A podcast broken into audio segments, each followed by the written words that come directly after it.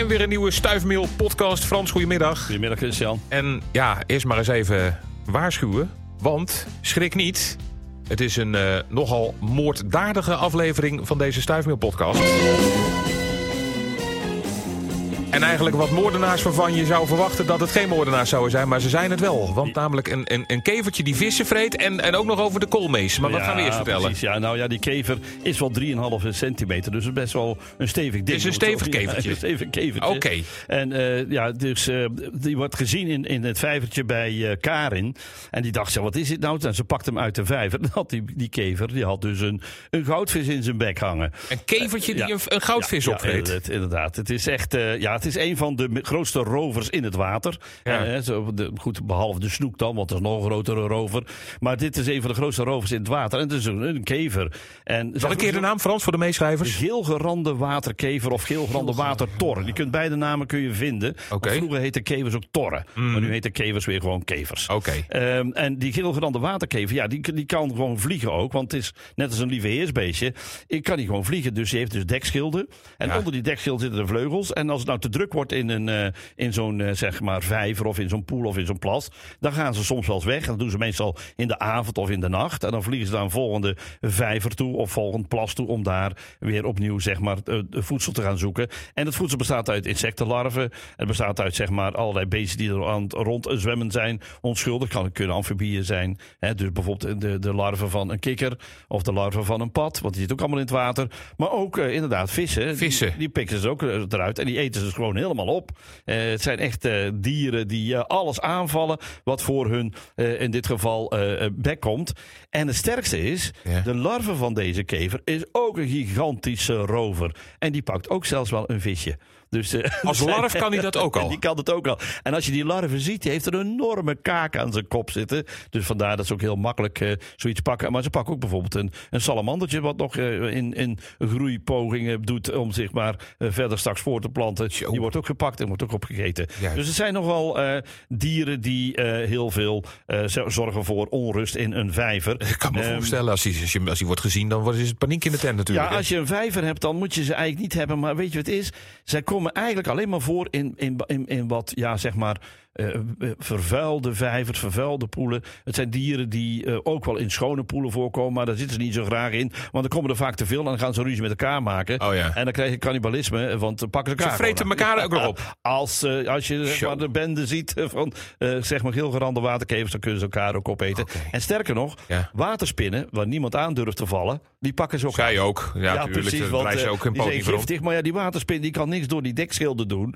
Dus ja, dan worden ze ook aangevallen en ook opgegeten. Dus Ongelooflijk. kortom, in, je moet ze niet in je vijver hebben, want dan verlies je een heleboel andere soorten, Ja. eh, soorten dieren. Ja, en sowieso, als je ze dus ziet, dan kan dat dus een aanwijzing zijn dat jouw vijvertje eigenlijk niet schoon is. Dat je daar Ja, dan kan het een aanwijzing zijn dat je een beetje te, ja, te, dat er veel te veel rommel in zit. Want daar houden zij heel erg van. Want Ja. ze, ze, ze, ze gaan vanuit schuilplekken gaan ze proberen die beestjes aan te vallen. Ja. En zijn er te weinig schuilplekken ja, of te weinig rommel, ja, dan, dan, zijn ze daar niet zo heel erg graag. Nee, nee. Dus Nou, wil het is een, een soort die eh, ja, zeg maar heel veel eh, voorkomt eh, in, in, in Nederland. Ja. En daarom heb ik ook een filmpje.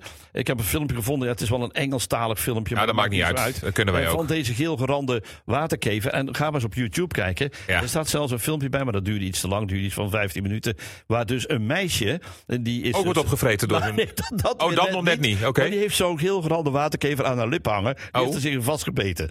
Dus eh, dat kan, kan ook nog gebeuren. Wat- wat- maar goed, kijk maar op dat filmpje van een die Engelsman. Want dat is best wel leuk om te zien. Hoe dat ze zeg maar, in hun eh, zeg maar, leven eh, zeg maar, bezig zijn om ook gewoon te groeien. Want daar gaat het in feite om. En daarom hebben ze voedsel nodig. En wij noemen dat moorddadig, maar het hoort bij het proces van de natuur. Het is de natuur natuurlijk. Ja, hè. nou ja, en, en bekijk het plaatje of het filmpje, het minifilmpje eventjes. Hè, want er Ja, dus, precies. eh, Die dat- filmpje hebben we er ook in staan. Die staat in de omschrijving bij deze podcast. En als je dus een vijver hebt, zou ik zeker even kijken. Want zie je het beestje, dan is het een hoe, hoe dan ook geen goed nieuws. Nee, dan moet je hem eigenlijk eruit halen. Dat zou ook het beste zijn voor je, want dan hou je de visjes tenminste nog over. Dan gaan we naar de koolmeesjes. Dat zijn hele vrolijke, schattige zijn leuke vogeltjes, maar dat zijn ook gewoon smerige moordenaars als je Nou, ze boos maakt, Ze, toch? ze kunnen, ze, kunnen, ze kunnen inderdaad moordenaars zijn. Over het algemeen zijn het inderdaad hele lieve wezens. zo ken ik en, ze. Me- Marij van Driel die had er eh, zeg maar iets gezien wat ze nog nooit had gezien had. En daarmee heeft het ook een beetje te maken, dat, eh, dat moordend gedrag of zo. De- een hakkende koolmeeszak, zij zit op een tak. En die, ja, ze vroeg zich, waar is dat dan voor? Is dat voor voedsel? Ja, dat is inderdaad voor voedsel zoeken. Want dat kan best een tak zijn die bijvoorbeeld al aangetast is door allerlei zeg maar insecten en zo. En dan zitten natuurlijk de larven in die tak en die pikken zij dan eruit. Wat ze ook doen is hun eh, zeg maar snavel wat scherpen. Hè, want ze willen inderdaad in het voorjaar toch wel weer een stevige snavel hebben. Om, eh, en dat zie je ook heel vaak gebeuren. Dan zie je zo'n koolmees hakken rond de opening van een nestkastje. Hè. Dan heb je een mooi nestkastje hangen. En dan begint zo'n zo'n koolmees begint dan gelijk daar tegenaan te tikken en te hakken. En dan vliegen er zelfs de spaanders een beetje vanaf. Eh, waarom doet hij dat nou? Hij wil laten zien dat dat en laten merken dat dat zijn nestkastje is. Oh, in feite timmert hij zijn naam in dat Ah, kijk eens, zo'n naambordje. Maar die ja. doet ook een beetje te pochen ten opzichte van de vrouwtje. Van dat het een, eh, een sterke koolmeesje is die zijn spierballen wel laat zien. In dit geval zijn snavel laat zien. Dus eh, niet op zijn bek gevallen. Ehm, maar ja, het zijn hele slimme dieren die ook in eh, tijd van nood. En dan natuurlijk voedselnood. Ook eh, andere kleinere vogels aanvallen. Maar ook vogels van dezelfde grootte. Bijvoorbeeld vinken. zijn hele trage vogels. Ja. En wat deze koolmezen dan doen. Het komt niet zo vaak voor. Maar er zijn ook filmpjes op internet te vinden. Dan vallen ze zo'n vink aan. Maar meteen met de snavel in de ogen. Die pikken ze meteen zeg maar dood in de ogen. En waarom doen ze dat? Omdat ze de hersens willen opeten. Want die hersens dat is het meest voedselrijke product in zo'n vogel. En eh, ja, die, die, die vogel laat ze dan verder gewoon met liggen. Maar ze hebben dan de hersens te pakken. En ja, ze hebben zo'n vink wel gedood. Dus ze kunnen inderdaad dieren, eh, veen- vogels Die schattige koolmeesjes, Frans. Ja, ja, ja, ja. Maar het is gewoon om te overleven. Hè. Ja, Dus die dat snap ik wel, maar dan het nog, zijn hele, hele slimme dieren. Ze staan in de top van de slimste dieren, slimste vogels van de wereld. Ja. Waar bijvoorbeeld ook raven en papegaaien bij horen. Maar er hoort de koolmees en de pimpelmees ook bij. En de uil toch ook dan, of Eh, niet? nou, de uil is wel een wijze uil, maar die hoort niet bij de slimste die is niet zo slim. Nee, nee, nee. Die is wel heel Maar belezen meestal, maar eh, hij- hij- Precies. hij, hij, lult gewoon anderen na eigenlijk. Ja, wou ik net zeggen. En, en- en wijze uilen hebben wij vooral zeg maar, van fabeltjeskrant en, en sprookjes. Maar, eh, en, en het is natuurlijk een fantastisch mooie vogel. En als je hem ziet, dan denk je die vogel is wijs. Want hij is er zo stoïcijns eh, rustig bij. Dat moet wel een wijze vogel zijn. Maar hij is vrij stom eigenlijk. vogel? Nee, dan moet je bij de raven en de koolmees en de pimpelmees zijn. En waarom dan? Ja. Omdat die koolmezen, die blijkbaar hebben die een intelligentie waardoor ze dingen eh, kunnen doen. Bijvoorbeeld in Engeland, al in 1921, hadden koolmezen ontdekt dat eh, die melkflessen die voor de deur stonden, dat die capsules die erop zaten, dat ze die makkelijk open konden krijgen. En toen was het nog eh, vooral volle melk werd over langs de deur gezet werd. En dan likten ze daar die, die room die aan de bovenkant zat, wat heel voedselrijk is, Ja. die likten ze eruit. En Oh. binnen een muur van tijd, in heel Engeland, vanuit het kleine plaatje uh, Sweeting, is dus helemaal door Engeland gegaan om alle flessen die in buiten stonden, werden gekraakt door pimpel en koolmezen. Jee. Dus zo wijs zijn die beesten. Het was wel leuk om te zien dat ze zo slim zijn om dat soort dingen te ontdekken. En let op, eh, als zij eh, bij jouw vogelkastje zijn of nestplankje of eh, voederplankje, dan zijn ze ook meestal de eerste die als je een beetje een, een, ding hebt gemaakt met wat moeilijkheden om aan het zaad te komen, dan zijn zij de eerste die het op- open hebben. Dus eh,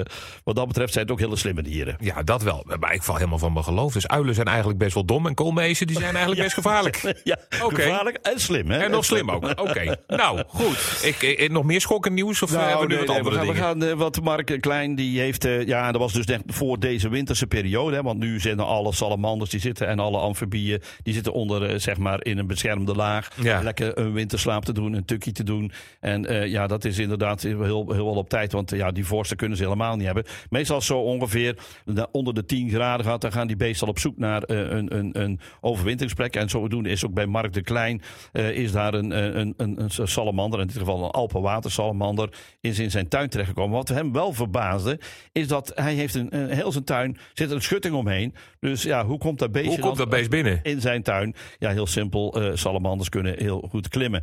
En als ze niet goed kunnen klimmen, dan gaan ze wel eronder door. Of er is altijd wel een klein gaatje waardoor dat ze door die, in die tuin kunnen komen. En waarom komen ze in die tuin? Ja, omdat in die tuin vaak nog eh, s s'avonds laat nog wat lichtjes aan zijn. Of de huizen hebben lichtjes. Daar komen insecten op af en dan kunnen ze nog de laatste insecten pakken. Ja. Om dan eh, een goede vetvoorraad te hebben om in de winterslaap te gaan. Ehm, en vergis je niet, eh, salamanders die zijn ongeveer van mei tot en met januari... zijn ze buiten hun, eh, hun watergebieden. Want heel veel mensen denken dat salamanders altijd in het water zijn. Maar dat is dus niet waar. Vanaf mei tot en met januari zijn ze buiten. En dan betekent ongeveer vanaf oktober tot en met eh, dan die januari zitten ze dan zeg maar in een winterslaap. Dus in mei tot en met oktober lopen ze gewoon rond in de tuinen. Of lopen ze gewoon rond in plekken waar ze dus wel wat vochtig is. Hè, want dat moet er wel bij zijn. Ja. Maar waar ze wel heel veel dieren kunnen jagen om, om, om te, op te gaan eten. Ja, je, merkt, je merkt niet vaak dat ze binnenkomen. Wordt- nou, ja, kan dat wel? net aan. Als je in de buurt zit van natte omgevingen en je zit in, eh, zeg maar in een gebiedje waar beken in de buurt liggen of poelen of plassen, dan kun je wel eens eh, zeg maar in je kelder een, een, een salamander tegenkomen. Of in ieder geval in, in, in- onder een tegel of onder een stukje een boomstronk wat je hebt laten liggen. Hè, mensen melden dat ook vaak bij mij, dat ze in een natte omgeving zitten en dan tillen ze een boomstam op die ze in de kachel wilden stoppen en dan blijken in één geval salamandertjes onder te zitten. Koek, koek. Ja, precies. Ja. en dat doen ze expres, die salamanders, omdat ze daar een constante temperatuur hebben. En natuurlijk mooi, die boomstam is ook een stukje dekking eh, ten opzichte van eh, rovers die hun willen opeten. Dus wat dat betreft zijn ze dan heel. En ja, dat ze slim zijn, kun je ook wel weer merken. Want zo'n salamander, zo'n uh, Alpenwaardsalamander, kan wel tien jaar oud worden. Dus dan betekent dat ze toch wel heel erg eh, hun best doen om op slimme manieren zich goed te verstoppen. Dus als een uil en een salamander gaan trivianten, dan wint de salamander, denk jij. De salamander zeker, ja. Die zal alle vragen heel goed kunnen beantwoorden, weet ik Ja. zeker. Dan had eh, eh, Joost Weijen, die had mij een filmpje opgestuurd. En ja, ik toch even bijzeggen. Mensen sturen mij tegenwoordig heel veel filmpjes op. Nou, dat is kei leuk. En ik kan ze thuis allemaal zien. Maar we kunnen ze niet allemaal op Omroep Brabant plaatsen. Dus we moeten, als je een filmpje stuurt, via YouTube doen. En dan zou het beste zijn. Dat klinkt dan makkelijk te plaatsen. Ja, want dan kunnen we het makkelijk plaatsen bij eh Omroep Brabant. Dan kan ik het eh, zelf, zelf plaatsen. Dus dat is makkelijk ook nog. Eh, dus als je stuurt, stuur dan zeker een YouTube-filmpje. Maar goed, lukt dat niet, blijf die filmpjes gewoon sturen. Dan kijk ik er wel naar. En dan probeer ik op een of andere manier of een fotootje ervan te maken. Of een ander filmpje wat erop lijkt in ieder geval te plaatsen. Nou, dat heeft Joost Weijen, die stuurde mij ook een filmpje. Ik heb hem gevraagd, kan je hem op YouTube zetten? Nou, dat lukte hem niet. Dan heb ik gezegd, nou weet je wat ik dan doe? Dan ga ik een filmpje zoeken van Bart van Zinnen. Want die had ongeveer hetzelfde gevonden van jou. Wat jij in de Haarst- Haarsteekse wiel had gezien. En dat is wel echt heel bijzonder. Dan zit je daar te kijken. En dan zie je in één keer een stokje of een, een takje. Of een heel klein dingetje van pak een beetje minder dan een centimeter. En daarachter hangt een, een, een, een zwaaiend ding. en dat gaat zo zwemmend door het water heen. Kun je je voorstellen? Een zwemmende tak eigenlijk. Ja, een takje, want het is wel heel Ja, klein. ja. Maar dan zie je alleen maar dat achterste stukje je op en neer bewegen. Net zo'n soort staartje wat kwispelend door het water gaat. En zo bewegen zij zich voort. En ja, dan denk je bij jezelf, wat, wat was dat nou toch eens hemelsnaam? Ja, dat blijken dus dansmuggen te zijn. Die dansmuggen die kunnen inderdaad, ehm, eh, zeg maar, dan gebruik maken van holle plantmateriaal. Ja. Daar dan inkruipen om vanuit een bepaald gebiedje naar een ander gebiedje te komen. En dat zijn dan dansmuggen. Je, je kent ze wel, die dansmuggen. Dat zijn, als je dus eh, zomers buiten zit, dan zie je in de verte soms wel een heleboel van die beesten. Een zwermpje. Beetje, ja, zo'n zwerm zie je dan dansen op, eh, op, eh, in de lucht. En dat zijn dus geen steekmuggen, maar dat zijn dus die dansmuggen. En een van die soort die bevindt zich bij het water in de buurt. En die kunnen dus takken meenemen. En die kunnen takjes meenemen. Takjes, ja, het is heel, heel klein. Dus ik, ik heb die film van Bart van Zin heb ik erop gezet. Zodat Bart in ieder geval, eh, eh, zeg maar, zodat inderdaad Joost kan zien wat er aan de hand is. Goed, dan eh, hebben we het volgende. Er is dus zeg maar inderdaad, wat ook opgestuurd is, is Laura eh Offers. Olvers. Zij zelf niet, maar ze heeft, die- heeft iets opgestuurd. Ze, Ja. heeft, ze heeft een mooie foto opgestuurd. Ja. Ja. en dat is wel heel bijzonder. Ja. Want ze heeft, een, ze heeft onder een, een boomstam gekeken. Daar zat een zwam. Ja. En daar zat een, een, klein insect op. En ehm, ze vroeg zich af, wat is het voor een diertje? Eh, want ze had zoiets van, ik wil toch wel meer informatie erover hebben. Nou, ik heb eens goed gekeken. Als je heel goed kijkt naar de foto, dan zie je een soort, ja, het lijkt een beetje op een, een langpootmug. Een langpoot. Eh, of een mug, zo kun je het ook wel zeggen. Ja. Alleen ze hebben net niet, niet die lange poten. En ze hebben niet, niet dat steeksnuitje van, van zo'n zo'n steekmug. Ze, ze lijken er wel op muggen. Dat horen ook bij die hele familie. En te- ze heten dus steltmuggen. Stelt me, maar dan hebben, hebben ze nou wel of niet lange poten dan? Ze hebben niet zo lange Niet? poten. Wel een beetje, maar niet zo lange poten als... Oh, Oké, wel een lang- beetje. Ja, precies. Want anders zou je zeggen, dan lijkt het meer op een mug, maar het is wel een, een beetje tussen, tussenmaat. Ja, tussenmaat is het Ja, dan. ja. En wat ze ook hebben zijn lange vleugels. En eh, aan die vleugels zijn ze heel nou, bijna te herkennen. Want die doorzichtige vleugels hebben allemaal zwarte vlekken. Oké. Dan kunnen ja. die zwarte vlekken ook wel eens een beetje wazig zijn. En er zijn een aantal soorten van die 144 die in Nederland voorkomen, die dus minder vlekken hebben. Dus dan, valt, dan is het wordt, wordt lastiger om te herkennen. Maar deze kon ik goed herkennen, want die heeft dat dus inderdaad wel. Mhm. En deze dieren die houden zich voort in eh, natte omgevingen. Vochtige aarde, eh, kan in slootkanten zijn, kan in waterkanten zijn. Maar het kan ook in paddenstoelen zijn, oftewel in zwammen. En in dit geval, want zwammen zijn ook vrij vochtig. En in dit geval is de soort die hierbij hoort, die hoort bij, bij schimmels, oftewel bij zwammen die zij ontdekt heeft. En eh, vermoedelijk is het diertje wat erop zit eh, net uit eh, zijn popsituatie gekomen om dan verder de wereld in te vliegen. Is even op rust, rust moeten komen, omdat dat een hels karwei is om uit zo'n popsituatie weg te komen.